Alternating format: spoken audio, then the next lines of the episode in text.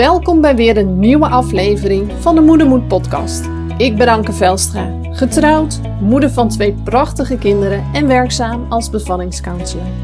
De geboorte van je kind is een van de meest bijzondere dingen die je kunt meemaken in je leven. Een ervaring die je leven voorgoed verandert en je hele leven zal bijblijven. Juist daarom is het belangrijk dat je met een goed gevoel op je bevalling kunt terugkijken. En dat is ook wat ik iedere vrouw gun. Helaas is bevallen niet voor alle vrouwen één grote roze wolk. En als er één ding is wat deze vrouwen met elkaar gemeen hebben, dan is dat dat ze zich enorm eenzaam voelen in hun ervaring. Met de Moedermoed podcast wil ik voor deze vrouwen een plek van herkenning creëren door het delen van verhalen van moedige moeders over bevallingen die anders liepen dan verwacht. Expert-interviews en tips en inzichten vanuit mijn werk als bevallingscounselor en als ervaringsdeskundige. Ik wens je veel luisterplezier, herkenning en mooie inzichten toe.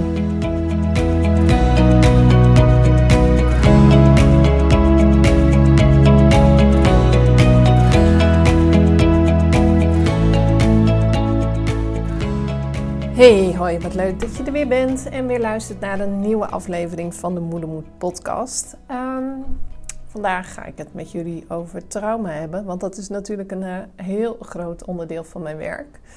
En de reden eigenlijk waarom ik het hier vandaag over wil hebben is als volgt. Vorige week uh, woensdag, toen moest ik voor een, een, een, kleine operatie aan mijn pink naar, uh, naar Nijmegen. Ja, het is een heel lang verhaal. Ik zal het in heel kort uitleggen. Ik uh, ben vijf en een half jaar geleden ben ik op vakantie geweest naar Thailand. Samen met uh, mijn man. Dat was nog uh, onze huwelijksreis. En ehm, ik had toen ik op vakantie ging een klein wondje aan mijn nagelriem. Nou ja, dat heeft iedereen wel eens. Maar goed, je, je kunt je wel voorstellen, in Thailand is het warm en is het broeierig. En heb ik heel veel gezwommen en in zee, in het zwembad en noem maar op. Dus uh, aan het einde van onze vakantie uh, kreeg ik dus een ontstoken uh, nagelriem, vingertop. was heel erg pijnlijk. En zelfs van, op de terugvlucht, toen we een overstap hadden in Dubai, heb ik nog contact opgenomen met de huisarts. Van nou, dan en dan verwachten we thuis te zijn. ik moet nog langs, want zo kan ik het weekend niet in. Dus toen heb ik gelijk een dikke antibiotica-kuur gekregen. En leek het ook wel wat af te zakken. Maar eigenlijk sinds die tijd uh, rommel ik met die pink. Die pink is gewoon veel dikker. Uh, voelt ook elke dag alsof hij ontstoken is. Een nagel uh, laten regelmatig stukken los. nou, het is gewoon heel pijnlijk allemaal. En ik ben hier in Leeuwarden al regelmatig met de dermatoloog geweest. En iedere keer is het uitwendig behandeld met salf, antibiotica, salfje dit, salfje dat antibiotica kuurtje, schimmelkuurtje, weet ik veel wat. Maar het hielp allemaal niks en het werd steeds erger. Um, nou, uiteindelijk ben ik dus uh, in juni dit jaar doorgestuurd naar Nijmegen. Want daar zit uh, een, een, professor die uh, nou, heel erg gespecialiseerd is in, in nagelafwijkingen. In de hoop van, nou, als die ernaar kijkt, dan kan hij misschien herkennen wat het is. Nou, dat kon niet. Dus er moest uh, een biopt genomen worden. En dat zou hij wel op zo'n manier doen dat hij zo min mogelijk mijn nagel uh, blijvend zou beschadigen. Nou, dat biopt uh, is de eerste keer in eind september geweest. En op zich viel me dat reuze mee. Het wordt goed verdoofd. Die verdovingsprikken zijn wel wat pijnlijk, want die moeten echt langs je bot. maar verder, als het eenmaal verdoofd is, voel ik er niks van. Uh, alleen de eerste nacht uh, is wel heel heftig, omdat ja, in, je, in je vingers en je pink zitten natuurlijk heel veel zenuwuiteinden. Uh, en er is gewoon flink in gerommeld, dus de eerste nacht was wel heel, heel pijnlijk. Um, maar goed, na het eerste biop bleek dat ze hoogstwaarschijnlijk niet op de goede plek hebben gezeten, want er kwam niks uit. Nou, dat was echt mega frustrerend. Ik had zoiets van, nou, na vijf en half jaar hoor ik eindelijk wat er aan de hand is. En toen moest hij me slecht nieuws geven dat er dus niks uit was gekomen. Maar goed, hij zegt van het is duidelijk zichtbaar dat er iets aan de hand is met die pink. Dus uh, ik geef niet op, we gaan het nog een keer doen. Nou, dat was dus vorige week woensdag. En uh, ik wist nu goed wat ik kon verwachten. Dus uh, ja, ik ging er eigenlijk heel ontspannen naartoe. Eh, we hadden dit keer de preventieve antibiotica geregeld. Want na de vorige keer heb ik echt wel drie, drieënhalve week gerommeld met het wondje wat telkens open ging en weer ontstoken was. Ehm, dus uh, ik kreeg nu preventieve antibiotica en uh, goede pijnstilling voor de eerste nacht was ook wel heel fijn. En uh, nou ja, maar zien. Nou, dat, hij heeft de flinke lopen vroeten. mijn hele nagel moest eraf. hij heeft echt onder de nagelriem gezeten. Omdat je daar eigenlijk ziet dat, dat de pink dikker wordt. Ehm, en hij vermoedt dat hij nu goed heeft gezeten, omdat het weefsel echt wel wat stugger en wat dikker aanvoelt. En eigenlijk tijdens de ingreep kregen we het over mijn, uh, mijn werk. En uh, over mijn werk als doula, over mijn werk uh, als, als counselor. En dat ik veel bevallingstraumas doe. Dus we hebben heel veel gesproken over trauma. En ik kreeg natuurlijk ook heel veel vragen over van ja Eh, wat maakt nou dat, dat, dat het nu veel meer uh, is dan vroeger? Is dat dat de mens veranderd is? En dat soort dingen. En ik merkte gewoon aan, aan de vragen die ze stelden, uh, met name de, de, de verpleegkundige die daarbij aanwezig was, dat, dat er eigenlijk een, een stuk kennis over trauma ontbreekt. En dat is niet alleen wat ik daar merkte, maar dat is ook wat ik bijvoorbeeld bij heel veel van mijn cliënten merk. Um, het woord trauma klinkt gewoon voor heel veel mensen als iets heel groot. Als iets van ja, maar dat kun je toch niet hebben na een bevalling. Ehm, en eigenlijk is dat niet zo. Dus dat, daarom leek het me wel interessant om daar vandaag iets over te vertellen. Zodat je een beetje een beter idee hebt van trauma. Want trauma is feitelijk maar een woord uh, waarmee we een, een bepaalde uh, situatie aanduiden, uh, zodat we begrijpen waarom iemand zich zo voelt zoals hij zich voelt. Het is niet meer dan dat. Uh, alleen ja, de hele medische wereld, als je een beetje weet hoe dat werkt, hebben diagnoses nodig om behandelingen vergoed te krijgen. dus wordt er al heel snel een stempel op je hoofd gedrukt als er sprake is van trauma. omdat het nodig is in verband met de vergoeding. Maar zoiets uh, definieert jou niet als persoon. Het is meer een aanduiding van een, een, een, een groep, een verzameling aan symptomen waar je last van hebt uh, uh, nadat je een hele heftige gebeurtenis hebt meegemaakt. En die symptomen kunnen zowel van, van emotionele, van mentale aard zijn, als ook van fysieke aard. Hè? Dus uh, trauma is niet alleen iets wat tussen je oren zit. Daar heb ik ooit eerder al een podcast over opgenomen. Dus als je even terugscrollt, kun je die ook nog vinden als je dat interessant vindt. Um, ja, dus het, het, woord trauma denken mensen toch al gauw aan, aan hele grote dingen. Dus bijvoorbeeld mensen die als, als kind misbruikt zijn, bijvoorbeeld langdurig seksueel misbruikt zijn, kinderen die emotioneel verwaarloosd zijn, kinderen die mishandeld zijn, soldaten die hele heftige gebeurtenissen hebben meegemaakt in, in oorlogsgebied. En natuurlijk, dat is ook trauma. Ehm, maar trauma is veel meer dan dat. Eigenlijk elke gebeurtenis die, die voor jou heel heftig of schokkend is geweest en te groot was om op dat moment helemaal te kunnen bevatten en op een goede manier te kunnen verwerken, vormt trauma. En dat kan dus ook een bevalling zijn. Uh, dat kan dus ook andersoortige situaties zijn. Iets waar, waar, wat je de adem heeft benomen en waar je op dat moment niet mee kon dealen. Um, dat kan ook een keer een situatie zijn geweest dat je op school een presentatie moest geven en dat het helemaal misliep en waardoor je enorm verschut hebt gestaan uh, uh, en, en, en je enorm machteloos hebt gevoeld. Zo'n situatie kan ook trauma zijn. Um, dus dat geeft eigenlijk al een hele andere betekenis aan het woord trauma. En daarin hebben we dus ook nog het verschil tussen enkelvoudige en meervoudige trauma's. Uh, meervoudige trauma's zijn eigenlijk trauma's, situaties die lang, langere tijd hebben geduurd. Hè? Dus dan de seksueel misbruikssituaties of de mishandelssituaties. Hè? Dus de, de situatie waar gebeurtenis op gebeurtenis op gebeurtenis soms wel jarenlang hebben plaatsgevonden. Uh, je hebt dan ook nog de enkelvoudige trauma's. Hè? En dat is eigenlijk een specifieke gebeurtenis. En daarbij kun je dus denken inderdaad aan het bevallingstrauma. Maar je kunt daarin ook denken aan een, een aanranding of een verkrachting of een auto-ongeluk of ja, een overlijden van iemand uh, wat heel plotseling en heel heftig is geweest. En dat noemen we eigenlijk de enkelvoudige trauma's. En je kunt je voorstellen dat wanneer je aan de slag wilt met het, het verwerken van een traumatische gebeurtenis, dat een enkelvoudig trauma daarin ook hele andere dingen van je vraagt dan een meervoudig trauma waar zoveel gebeurtenissen zijn geweest. En ik zeg altijd, een, een bevallingstrauma is eigenlijk een, een, trauma wat heel omheind is in de meeste gevallen.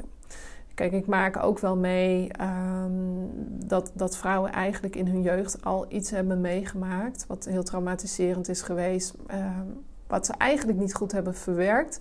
Uh, vaak ook wel hebben gezegd van, ah joh, dat is al zo lang geleden, daar ben ik nu wel overheen, of daar heb ik een plekje gegeven. Ehm, maar ja, toch, toch eigenlijk niet uh, beseffende hoeveel impact dat nog steeds heeft op hun dagelijks leven.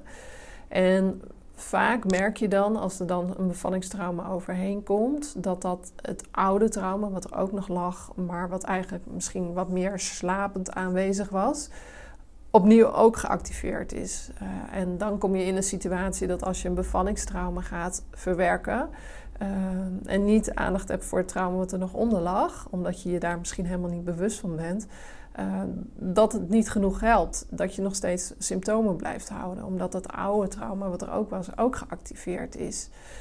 En dat maak ik enkel ook wel mee in mijn praktijk. En als we daar goed naar kijken, dan, worden we ons heel snel, dan wordt het wel heel snel duidelijk. En uh, heel vaak door dan nog wat aandacht te besteden aan het oude trauma wat er zit, uh, kan dat ook uitdoven en kunnen vrouwen alsnog gewoon verder. Maar een enkelvoudig trauma, wat dus ja, eigenlijk één specifieke gebeurtenis is geweest, um, die voor jou heel heftig en schokkend was, ja, daar kun je gewoon vrij snel van af. Daar heb je geen jarenlange therapietrajecten voor nodig. Sterker nog, als ik uh, uh, deze cliënten help, zijn ze gewoon binnen drie sessies klaar. Eh, een traject van drie sessies, waarvan meestal één, soms twee verwerksessies zijn. Dus dat kan gewoon heel snel. Um, en daarin gaat het ook wel eens een beetje mis, want um, ik heb gewoon regelmatig cliënten die eerst in de reguliere gezondheidszorg uh, hulp hebben gezocht um, en dat niet kregen.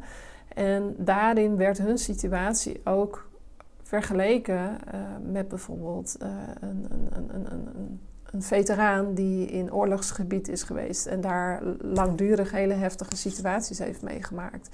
En dat vrouwen echt zoiets hebben van, ja, maar daar herken ik mezelf niet in. Uh, hè? Mijn, mijn trauma is zo anders. En ja, dat doet natuurlijk ook iets voor de behandelrelatie. Um, ik doe alleen maar bevallingstrauma's heel enkel um, bij andere cliënten. Heel enkel doe ik uh, seksuele trauma's in de zin van uh, een, verkrachting of een aanranding. Of ik doe een trauma wat relatie heeft met een bevallingstrauma. Ik heb bijvoorbeeld een keer een cliënt gehad die prikangst had door een priktrauma. Dus dat heb ik meegepakt. Ik heb een keer een cliënt gehad die een auto-ongeluk heeft gehad in de zwangerschap. Dus dat pak ik dan mee. Hè? Maar dat zijn allemaal omheinde gebeurtenissen, zeg maar. Niet iets wat, wat maanden, jarenlang heeft geduurd. Ben op dit moment wel met één cliënt bezig om te kijken of ik uh, wat meer, een meervoudig trauma kan aanpakken. Maar ja, goed, dat vraagt dan natuurlijk ook iets meer sessies. Uh, maar de resultaten tot nu toe zijn heel, uh, heel positief daarin. Um, dus ja, daar wou ik je eigenlijk een beetje een, een inkijkje geven. En als, als je het hebt over trauma, hè, we hebben het over dan een hele heftige, schokkende gebeurtenis die zo groot was op dat moment dat je het niet kon bevatten.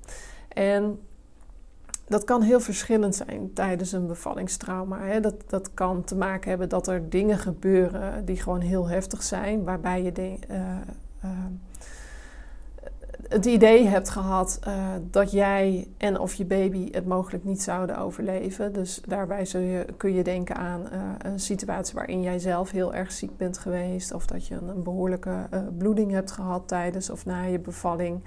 Um, het dippen van de hartslag van de baby is er ook zo één.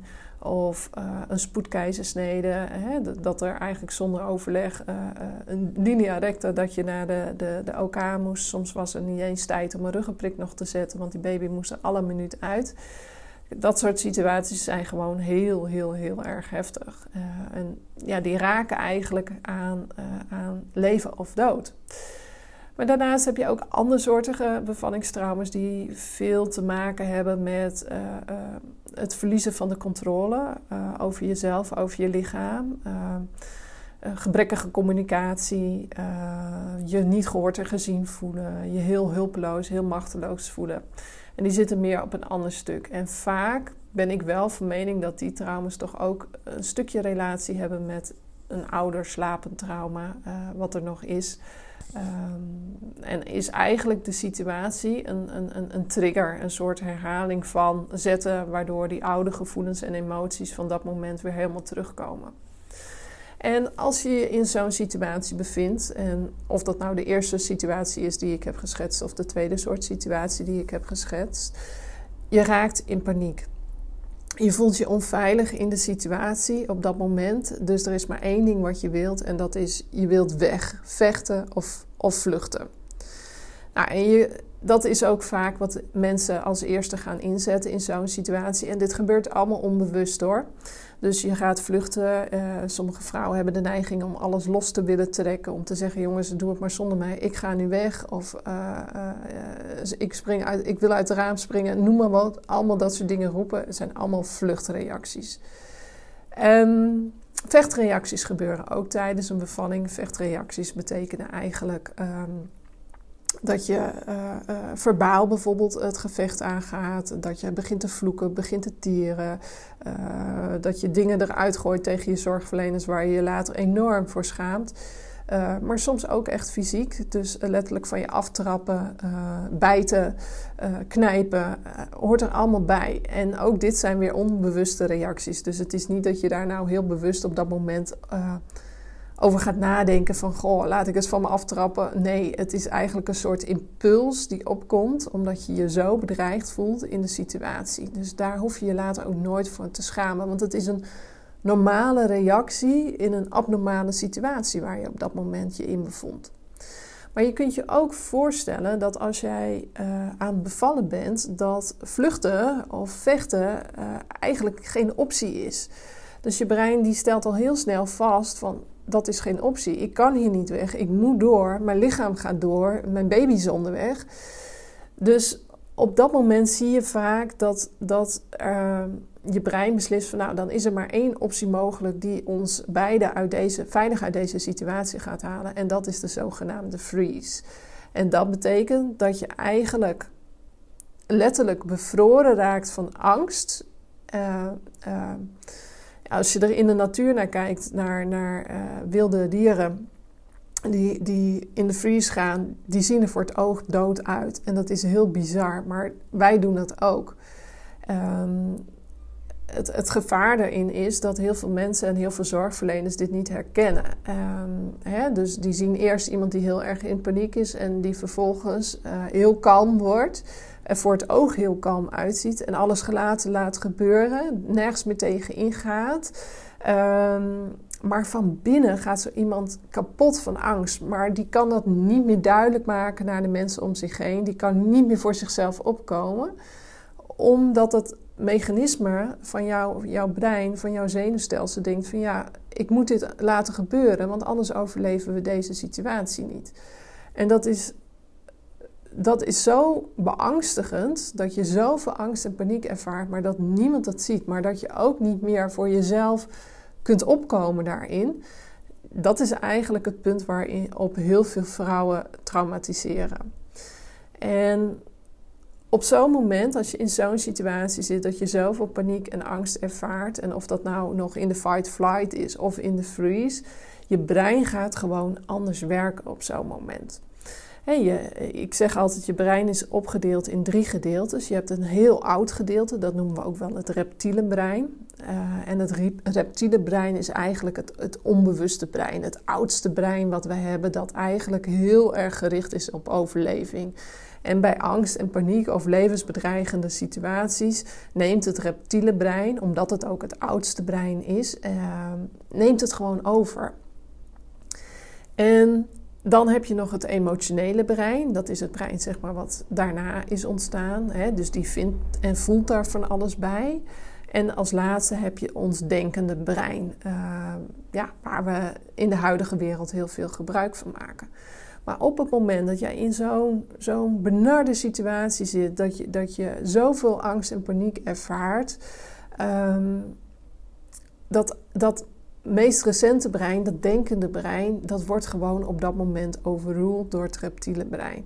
Dus op dat moment kun je niet meer helder nadenken, kun je geen voor's en tegens meer afwegen. Dat is ook precies de reden waarom ik altijd zeg van bereid je van tevoren al voor op allerlei noodscenario's, omdat je op dat moment niet meer goede, weloverwogen keuzes kunt maken. Maar goed, dat is een andere uh, beslissing. Uh, je kunt niet meer rationeel denken, dus niet meer voor en tegens afwegen. Um, plus dat diezelfde gebieden die daarvoor verantwoordelijk zijn, ook verantwoordelijk zijn voor het uh, goed wegschrijven van uh, de herinneringen naar het lange termijn geheugen. Dus eigenlijk het verwerken van een gebeurtenis, van een situatie, zodat het goed weggeschreven kan worden naar het lange termijn geheugen. En dat gebeurt dus niet goed. Dus je brein kan eigenlijk op dat moment de situatie niet goed opslaan. Het, het, het slaat losse flarden op. En dat verklaart ook gelijk waarom je, als je een, een hele heftige of traumatische bevalling hebt meegemaakt, uh, vaak je bevalling niet meer kan zien als een mooi lopend geheel, als een soort film met een start en een einde maar dat het meer allemaal losse flarden zijn en dat je ook hele stukken kwijt bent. Dat heeft daar alles mee te maken, omdat je brein dat op dat moment niet goed kan opslaan.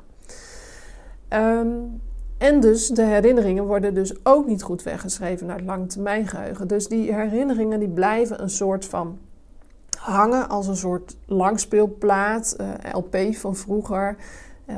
Ik heb het nog wel meegemaakt, jij misschien al niet meer, maar soms bleef zo'n LP hangen, zo'n naaldje op de LP die bleef hangen. En uh, ging de plaat niet verder, maar ging het eigenlijk soort heen en weer. We hebben ook zelfs nog het scratchen gehad. Dat, dat hoor je nog wel steeds in uh, bepaalde muzieknummers. Hè? Dat, dat de plaat eigenlijk zo heen en weer uh, werd gehaald terwijl de naald erop zat. En dat gaf een bepaald geluid. Nou, dat moet je eigenlijk voorstellen, dat, dat het blijft hangen en dat die herinneringen eigenlijk telkens als een soort flashbacks als een soort film terug blijven komen. Uh, bijvoorbeeld s'nachts in je dromen of overdag. Uh, op het moment dat er, dat er iets wordt waargenomen door jouw zintuigen, die weer in verbinding staan met je brein, die doet denken aan de situatie die je hebt meegemaakt tijdens je bevalling. En dat is natuurlijk heel heftig. Uh, dus je beleeft eigenlijk die bevalling keer op keer op keer opnieuw omdat die, die, die, die uh, verwerking niet goed gaat. Dus als je op die manier een beetje, en dit is een heel plastisch verhaal wat ik nu vertel, uh, snapt hoe trauma ontstaat en wat trauma eigenlijk is, is het ook veel minder eng en veel minder bedreigend. En uh, kan je er ook op een hele andere manier naar kijken. Kun je het meer zien als een psychische verwonding, dus niet alleen een fysieke verwonding, maar een psychische verwonding, ehm, die gewoon geheeld moet worden. En het is heel fantastisch, maar ons lijf, ons brein heeft ook een heel groot zelfherstellend vermogen daarin. Daarom zeg ik ook vaak uh, als mensen contact met me opnemen van goh, hoe lang is het geleden? Want in principe um, zou je zes tot acht weken nodig hebben uh, om, om het zelfherstellend vermogen uh, de tijd te kunnen geven om dat te kunnen doen. Uh, maar als het na zes tot acht weken nog niet beter is geworden, of maar een heel klein beetje beter, is dat ook wel een signaal van dan gaat dat niet meer vanzelf gebeuren. Hè? En dan is dat ook een teken van gewoon dan wordt het tijd om daar hulp bij te vragen. En wat ik dus eigenlijk bij mijn manier van werken doe, is dat ik A cliënten in een hele diepe ontspanning breng. Met als reden dat we het brein en het zenuwstelsel kalmeren, zodat ze minder gevaar zien. En als tweede reden, als we het brein, het zenuwstelsel, en er is een heel belangrijk onderdeel in het brein, dat noemen we de amygdala, dat wordt ook wel de alarmcentrale of de rookmelder genoemd, hè, uh, om in het vaststellen van is er mogelijk gevaar bij mensen die trauma hebben, is, is die amygdala overactief. Dus die ziet overal gevaar in, terwijl dat niet zo is.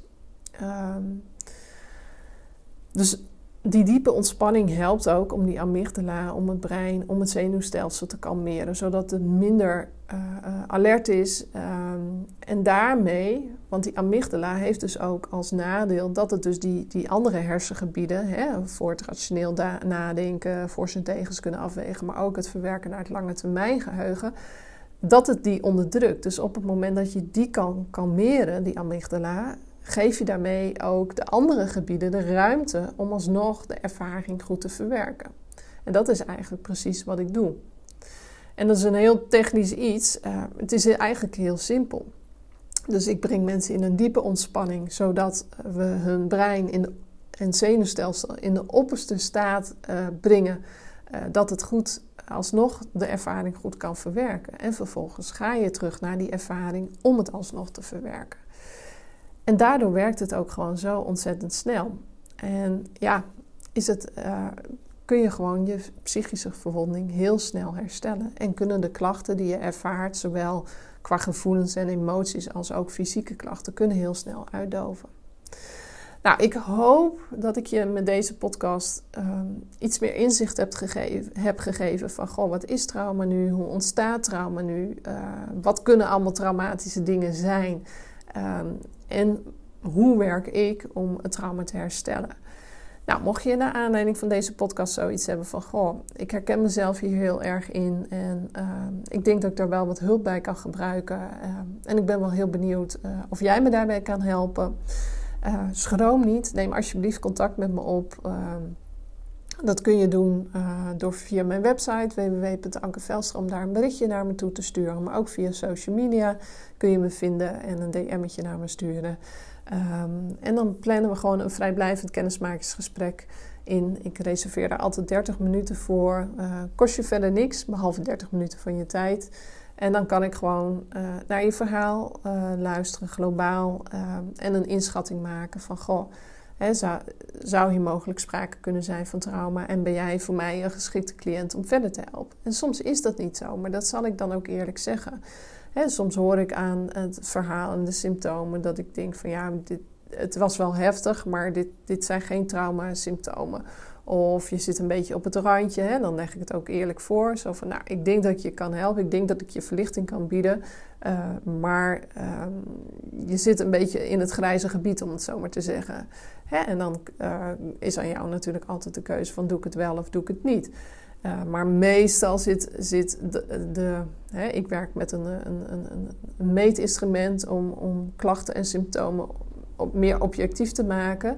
En meestal is de score daarin vrij hoog als mensen contact met me opnemen. En dan is het eigenlijk wel overduidelijk. En is het meer een soort bevestiging wat hun gevoel eigenlijk al, al had ingegeven.